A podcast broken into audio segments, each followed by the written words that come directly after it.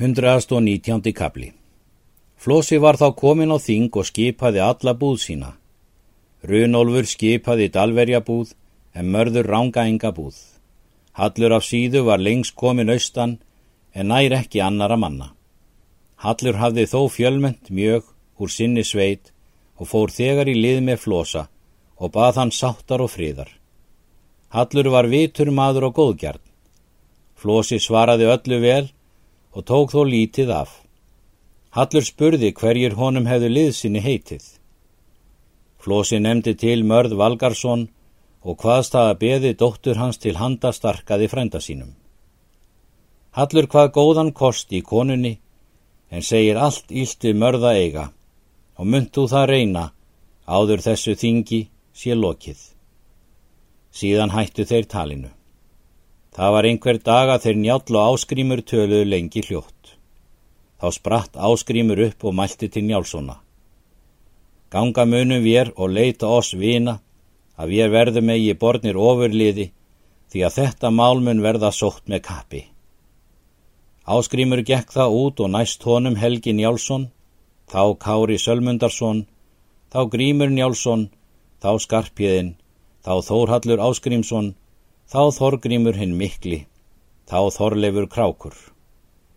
Þeir gengu til búðar gissurar hins kvíta og gengu inn í búðina. Gissur stóð upp í móti þeim og bað þá sitja og drekka. Áskrimur svarar. Egi veit þannig við og skal þetta ekki á mutur mæla. Hverjar liðveislu skal ég þar von eiga er þú ert frendi? Gissur svaraði. Það myndi Jórun sýstir mín ætla að ég myndi eigi undan skerast að veita þér. Skal okk svo vera nú og oftar að eitt skal ganga yfir okkur báða. Áskrimur þakkaði honum og gekk í braut síðan. Þá spurði skarpiðin. Hver skal nú ganga? Áskrimur svarar. Til búðar ölfusinga. Síðan gengu þeir þangað. Áskrimur spurði hvort skafti Þóratsson væri að búð. Honu var sagt að hann var þar. Gengu þeir þá inn í búðina. Skafti sat á pallinum og fagnaði áskrými. Hann tók því vel. Skafti bauð áskrými að sitja hjá sér. Áskrýmur hveð skamma dvöl eiga myndu, en þó er við þau erindi. Lát heyra það, segir Skafti. Ég vil byggja þig liðsinnis, segir Áskrýmur, að þú veitir mér lið og máum mínum. Hitt hafði ég ætlað, segir skafti, að ekki skildu koma vandræði yður í hýbíli mín. Áskrimur svarar. Ítla er slikt mælt að verða mönnum þá sísta liði er mest liggur við. Hver er sá maður, segir skafti, er fjórir menn ganga fyrri, mikill maður og fölleitur, ógæfu samlegur, harlegur og trölslegur. Hann svarar.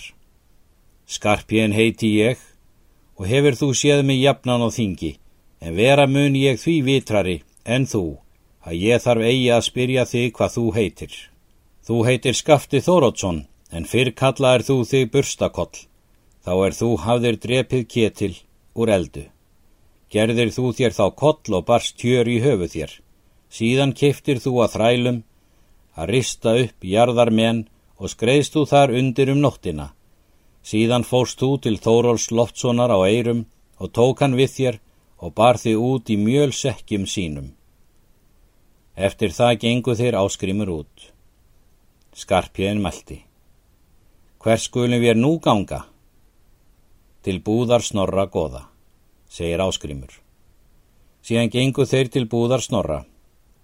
Þar var einn maður úti fyrir búðinni. Áskrimur spurði hvort snorri var í búð. Sá sagði að hann var þar. Áskrimur gekk inn í búðina og þeir allir. Snorri satt á palli. Áskrimur gekk fyrir hann og kvatti hann vel. Snorri tók honum blíðlega og bað hann sitja. Áskrimur hvaðst þar myndu eiga skammadvöl. En þó er við þig erindið. Snorri bað hann segja það. Áskrimur mælti. Ég vildi að þú færi til dóma með mér og veittir mér lið því að þú ert vitur og framkvæmdar maður mikill. Þungt ganga oss nú málaferlin, segir Snorri, og draga sig margir mjög fram í mót oss og erum við því trauðir að taka vandraði manna í aðra fjórðunga? Vorkun er það, segir áskrimur, því að þú átt oss ekki var launað. Veit ég að þú ert góður drengur, segir Snorri, og vil ég því heita þér að ég skal hvergi móti þér vera og eigi veita lið óvinnum þínum. Áskrimur þakkaði honum. Snorri mælti. Hver er sá maður er fjórir ganga fyrri, fölleitur og skarpleitur og glottir við tönn og hefur öksi reitt um öksl. Hjeðin heiti ég, segir hann, en sumir menn kalla mig skarphiðin, öllu nafni, eða hvað vilt þú fleira til mín tala? Snorri mælti.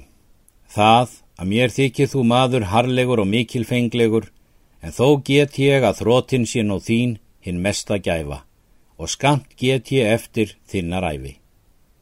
Vel er það, segir Skarpjén, því að þá skuld eiga allir að gjalda, en þó er þér meiri nöðsin að hefna föður þíns en spá mér slíkar spár. Margir hafa það mælt áður, segir Snorri, og mun ég ekki við slíku reyðast. Eftir það gengu þeir út og fengu þar enga liðvistlu. Þaðan fóru þeir til búðar skaffyrðinga. Þá búð átti hafur hinn auðgi.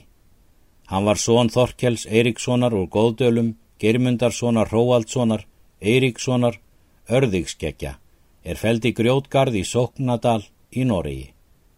Móðir hafurs hétt Þórun var dóttir áspjarnar Mirkárskalla, Hross Bjarnarssonar. Þeir áskrimur gengu inn í búðina. Hafur satt í miðri búðinni og talaði við mann. Áskrimur gekk að honum og heilsaði á hann.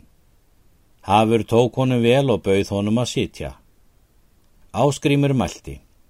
Hins vild ég byggja þig að þú veittir mér lið og máu mínum. Hafur svaraði skjótt og hvaðst ekki myndu taka undir vandraði þeirra, en þó vil ég spyrja hver sá er einn fölleiti er fjórir menn ganga fyrr og er svo yllilegur sem gengin sé út úr sjáar hömrum. Skarpjén mælti. Hyrð ekki þú um það, mjölki þinn, hver ég er, því að ég mun þóra þar fram að ganga er þú situr fyrir og myndi ég all óhrættur þó að slíkir sveinar væri á götuminni.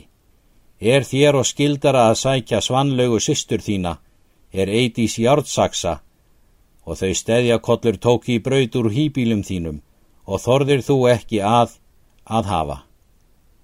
Áskrimur mælti. Göngum út, ekkir hér von liðveslu. Síðan gengu þeir til möðruvellingabúðar og spurðu hvort Guðmundur hinn ríki var í búð en þeim var sagt að hann var þar. Þeir gengu þó inn í búðina. Hásæti var í miðri búðinni og satar Guðmundur ríki. Áskrimur gekk fyrir Guðmund og kvatti hann. Guðmundur tók honum vel og bauð honum að sitja. Áskrimur mælti. Egi vil ég sitja en byggja vil ég þér liðsinnis því að þú ert kappsamur og mikill höfðingi. Guðmundur mælti. Ekki skal ég í móti þér vera.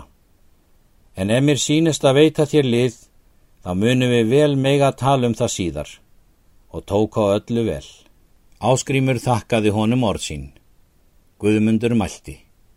Maður er svo einn í liði þínu er ég hefi hort á um hríð og lýst mér ólíkur flestu mönnum þeim er ég hefi séð. Hver er sá, segir Áskrimur. Fjórir menn ganga fyrri en hann, segir Guðmundur. Jarpur og hár og föllitaður, mikill vöxtum og erdlegur og svo skjótlegur til karlmennsku að heldur vildi ég hanna fylgi hafa en tíu annara og er þó maðurinn ógæfusamlegur. Skarpjén mælti. Veit ég að þú þykist til mín mæla og er eigi einn veg farið ógæfu okkari. Ég hefi ámæli að víi höskulds kvítanja skoða sem vorkun er, en þeir gerðu ílmæli um því Þorkjell Hákur og Þórir Helgason og hefur þú af því hinn að mestu skap raun. Gengu þeir þá út, skarpjén mælti þá. Hvert skulum við nú ganga? Til ljósvettingabúðar, segir áskrimur. Þá búð hafði tjaldað Þorkjell Hákur. Hann var són Þorgeirs Goða Tjörfasonar, Þorkilssonar Langs, en móðir Þorgeirs var Þórun Þorsteinsdóttir Sigmundarssonar, Gnúpa Bárðarssonar. Móðir Þorkels Háks hétt Guðrýður. Hún var dóttir Þorkels hinn svarta úr hliðrargarði. Þórissonar Snepils, Ketilssonar Brimils, Örnólfssonar, Björnólfssonar, Grímssonar Loðinkinna, Ketilssonar Hængs, Hallbjarnarssonar Háltröls, Þorkell Hákur hafi verið utan og framið sig í öðrum löndum. Hann hafi drepið spellvirkja austur á Jamtaskógi. Síðan fór hann austur í Svíþjóð og fór til lags með sörkvi Karli og herjuð þeir í austurveg. En fyrir austan, Bálagarsíðu, átti Þorkell að sækja þeim vatnitt kveld. Þá mætti hann Finngálkni og varðist því lengi en svo laug með þeim að hann drap Finngálknið. Þaðan fór hann austur í aðalsíslu. Þar vó hann flugdreka. Síðan fór hann aftur til Svíþjóðar og þaðan til Noregs og síðan út til Íslands. Og let hann gera þrekverki þessi yfir lokvílu sinni og á stóli fyrir hásætti sínu. Hann barðist og á ljósvetningaleið við Guðmundin ríka með bræðrum sínum og höfðu ljósvetningar sigur.